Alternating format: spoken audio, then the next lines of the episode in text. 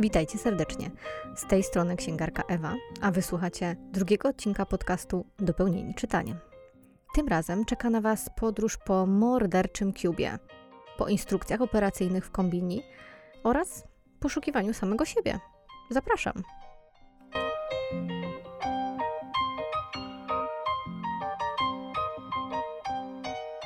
Nie wiem, czy wiecie, ale istnieje taka kanadyjska trylogia filmów science fiction o nazwie Cube.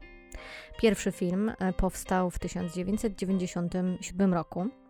I tutaj taka ciekawostka, bo reżyserem drugiej części tej trylogii jest Polak Andrzej Sekuła. Za reżyserię właśnie tej drugiej części Sekuła otrzymał nagrodę krytyków na Międzynarodowym Festiwalu Kina Fantastycznego w Portugalii. O czym właściwie jest Cube? E, w każdym z tych trzech filmów fabuła wygląda bardzo podobnie. Grupa ludzi budzi się w jakimś takim dziwnym pomieszczeniu o kwadratowej budowie, gdzie na każdej ścianie znajdują się drzwi. Ten niewiadomego pochodzenia teserak okazuje się wielką morderczą zagadką, którą muszą rozwiązać, żeby przeżyć. E, założenie jest więc takie, że każdy, kto się tam znalazł, musi współpracować, wykorzystać swoje zdolności, aby przeżyć. Wydaje się to proste. Można nawet pomyśleć, że widzieliście już pewnie wiele takich filmów. Co jest więc takiego oryginalnego w samym Cubie?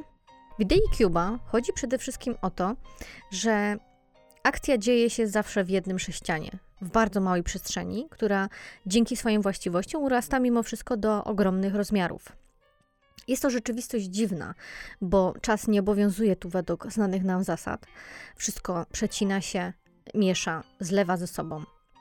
Dla nas jako widzów ta budowla jest konstruktem z metalu i światła. Widzimy więcej niż umieszczone w nim osoby. Skłania to do rozmyślań nad tym, czym właściwie jest nasza rzeczywistość, czym jest miejsce, w którym się teraz znajdujemy, jak to miejsce działa, co może kryć się za kolejną ścianą. Cube to oczywiście horror bardzo brutalny i nie pozostawiający żadnych złudzeń. Aby lepiej zrozumieć ideę Cuba, trzeba się troszeczkę cofnąć i zobaczyć film, który najprawdopodobniej był pierwowzorem tego horroru. A mówię tutaj o filmie The Cube, który pochodzi z 1969 roku i jest to film w reżyserii Jima Hensona. Tutaj z kolei mamy historię mężczyzny, który znajduje się w białym sześcianie, do którego wchodzą i wychodzą różni ludzie, a on sam nie może opuścić tego pomieszczenia. Dowiadujemy się, że takich ludzi jak on jest więcej. Jedni chcą opuścić Cuba, bo mm, im się tam nie podoba, inni chcą zostać. Okazuje się, że można to zrobić. Można wyjść drzwiami, ale nie można wyjść tymi drzwiami, którymi przychodzą inni ludzie.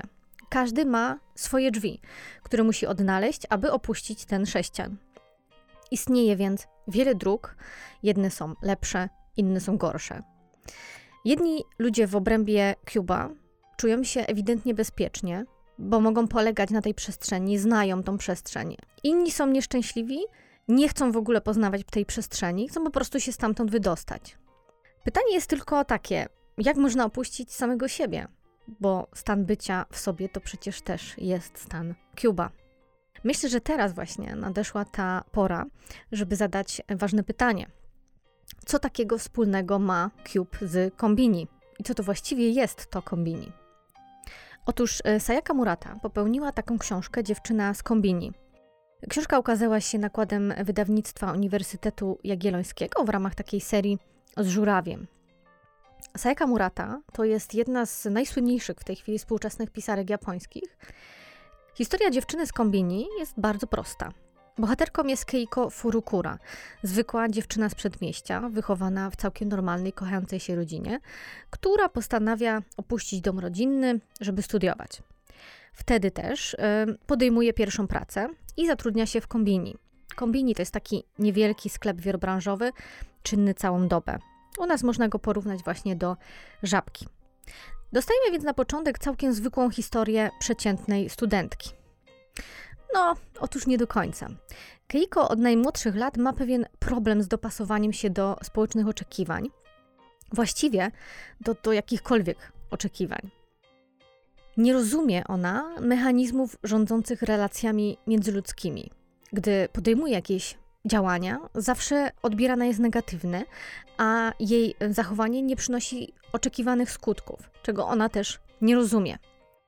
Wszystko zmienia się w jej życiu właśnie, gdy podejmuje pracę w kombini. E, na początku fascynuje ją to miejsce, taka przeszklona rzeczywistość, gdzie jest wiecznie jasno, gdzie wszystko wypełnione jest określonymi rzeczami. Keiko opisuje swój sklep jako rozświetlone wnętrze przypominające pudełko. I to jest właśnie Cube. Nie wydaje się on oczywiście tak straszny jak z tego horroru, który opowiadałam. Nie wydaje się eksperymentem psychologicznym. Po prostu jest. Po prostu jest i Keiko do niego wchodzi. A gdy wchodzi, nie może już z niego wyjść. Może to tak jest e, z naszymi miejscami pracy, że są takimi kubami, odciętymi często od rzeczywistości, w której żyjemy. Ja trochę dzielę to uczucie z Keiko, takie uczucie pracy w przeszklonym sklepie. Jak myślę o swoim miejscu pracy, wraca do mnie takie wspomnienie, taki nastrojowy moment, który czasami zdarza się w księgarni, gdy jest e, późne popołudnie, jesienią lub zimą, a punktowe oświetlenie wewnątrz sklepu nadaje rzeczom taki magiczny wyraz, takie magiczne uwydatnienie. Książki są jakby wycięte z rzeczywistości. Staję czasami wtedy w mniej oświetlonym punkcie sklepu i obserwuję ekspozycję. Nie do końca zastanawiam się, dlaczego to robię. Po prostu bycie w tym danym momencie sprawia ogromną przyjemność. Jest w tym coś takiego z Edwarda Hoppera chyba, z tych nocnych marków jego. Ta cisza i wrażenie istnienia poza czasem. No, więc zapraszam czasami późną jesienią i zimą do księgarni, bo jest naprawdę nastrojowo i pięknie.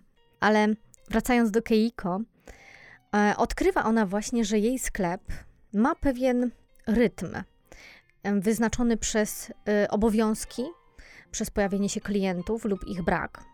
Ten rytm pracy jest jakby święty. Jest to rutyna czynności, rozpoznawalnych dźwięków, zapachów i to wszystko napełnia ją ogromnym spokojem. Zgadzam się tutaj z Keiko, że każdy sklep, każde miejsce pracy ma pewien um, mechanizm będący poza czasem. Nieważna jest dla tego mechanizmu pora roku, pora dnia czy pogoda. Wewnątrz zawsze będą panować pewne określone warunki tworzące rzeczywistość tego miejsca, to, co trzeba zrobić. Zgodzę się z Keiko też, że taka rutyna pracy jest czymś nawet świętym, można powiedzieć. Niezwykle łatwo jest jej ulec, postępować według takich wzorów i cieszyć się, że te wzory za każdym razem jakby działają.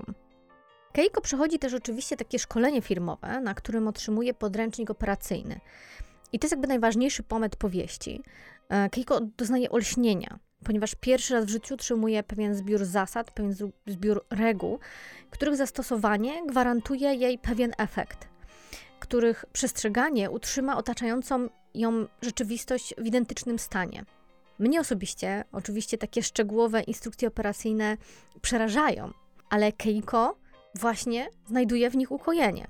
Okazuje się bowiem, że są tacy ludzie, którzy potrzebują instrukcji, jak żyć i postępować, i są instytucje, i są miejsca, które właśnie dają im takie podręczniki, takie instrukcje, dają im określony ubiór, jedzenie, poczucie przynależności do jakiegoś zespołu. Dają im nawet poczucie prowadzenia ich do jakiegoś konkretnego życia.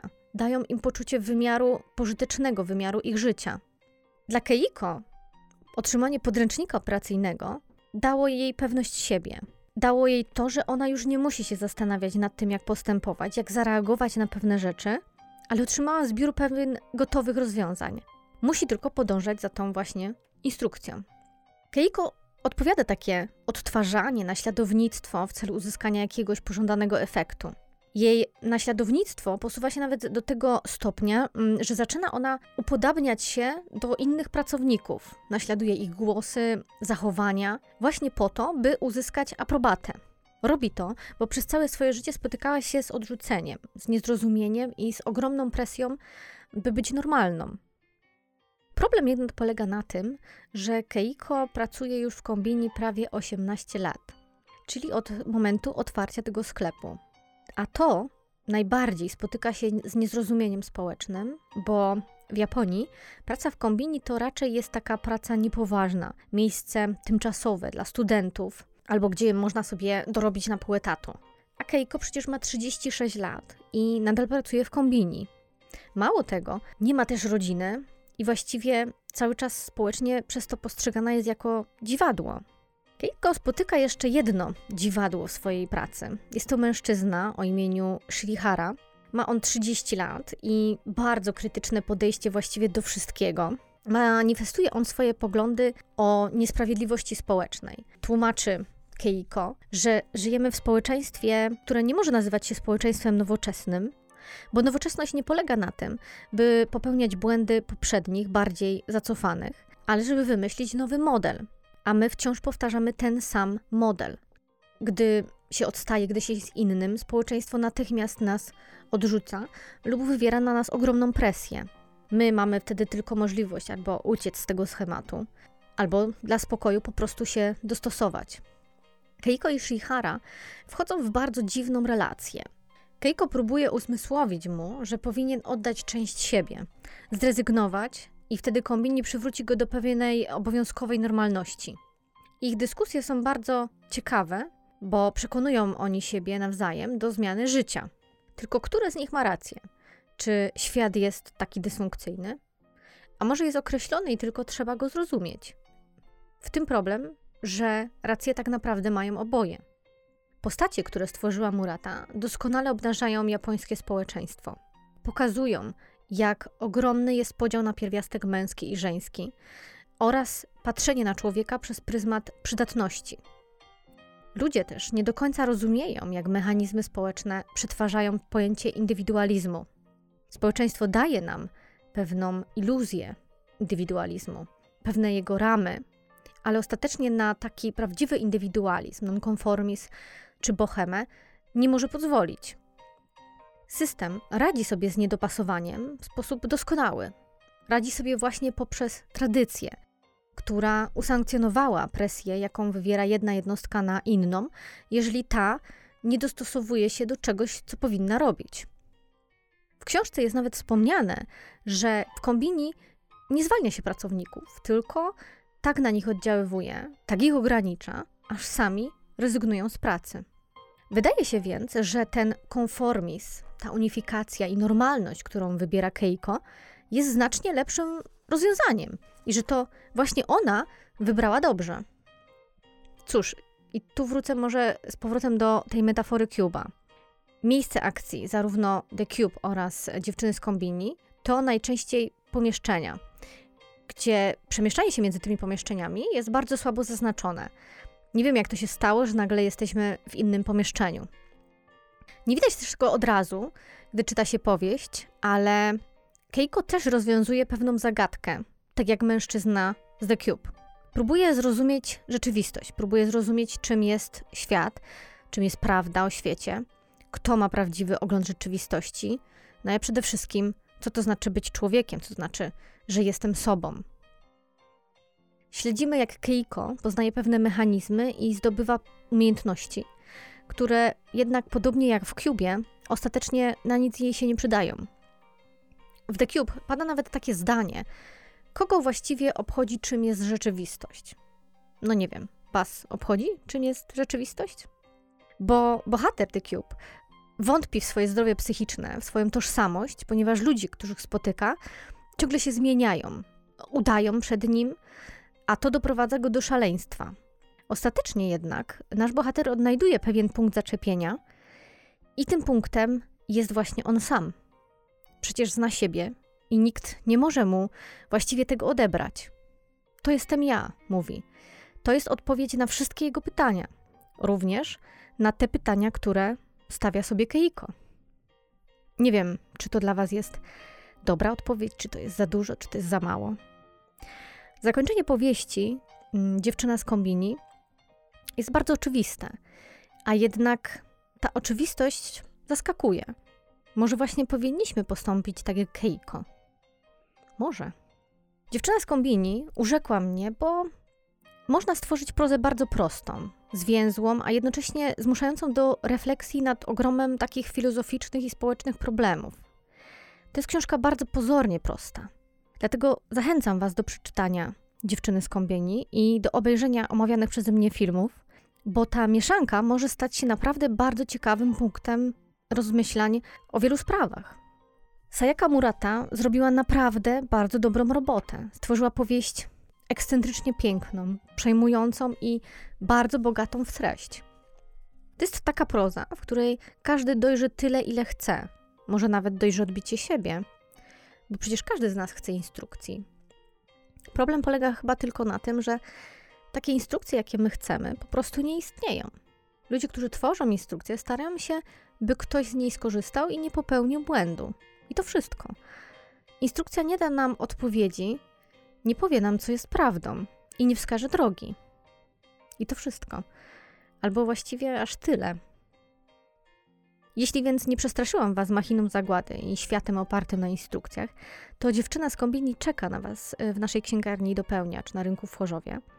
I naprawdę, naprawdę warto ją przeczytać i poznać ten mikrokosmos y, czyjegoś życia. Czeka na Was również nowa powieść z serii z żurawiem, Stacja Tokyo Ueno autorstwa Yumiri. I to jest powieść bardzo ważna, bo pokazuje, czego Japonia powinna się wstydzić. Akcja powieści skupia się wokół bohatera, który, gdy go poznajemy, już nie żyje i nawiedza park w pobliżu stacji metra. To jest bardzo wzruszająca opowieść o bezdomności, o biedzie, o wykluczeniu, czyli o tym wszystkim, co obnaża hipokryzję japońskiego społeczeństwa. Naprawdę, powieść zapada głęboko w pamięć. Jeśli jesteście wielbicielami literatury azjatyckiej, to w księgarni Dopełniacz mamy dedykowaną dla Was półkę. Znajdują się tam publikacje takich wydawnictw jak Tajfuny, Kwiaty Orientu czy Piw i jego Proza Dalekiego Wschodu. Mamy również japońskie powieści graficzne oraz mangi. Myślę, że jeśli do nas przyjdziecie, na pewno doradzimy Wam coś dobrego do czytania. Dziękuję Wam za to, że wysłuchaliście kolejnego odcinka naszego podcastu. Długich dni i zaczytanych nocy. Do zobaczenia w księgarni.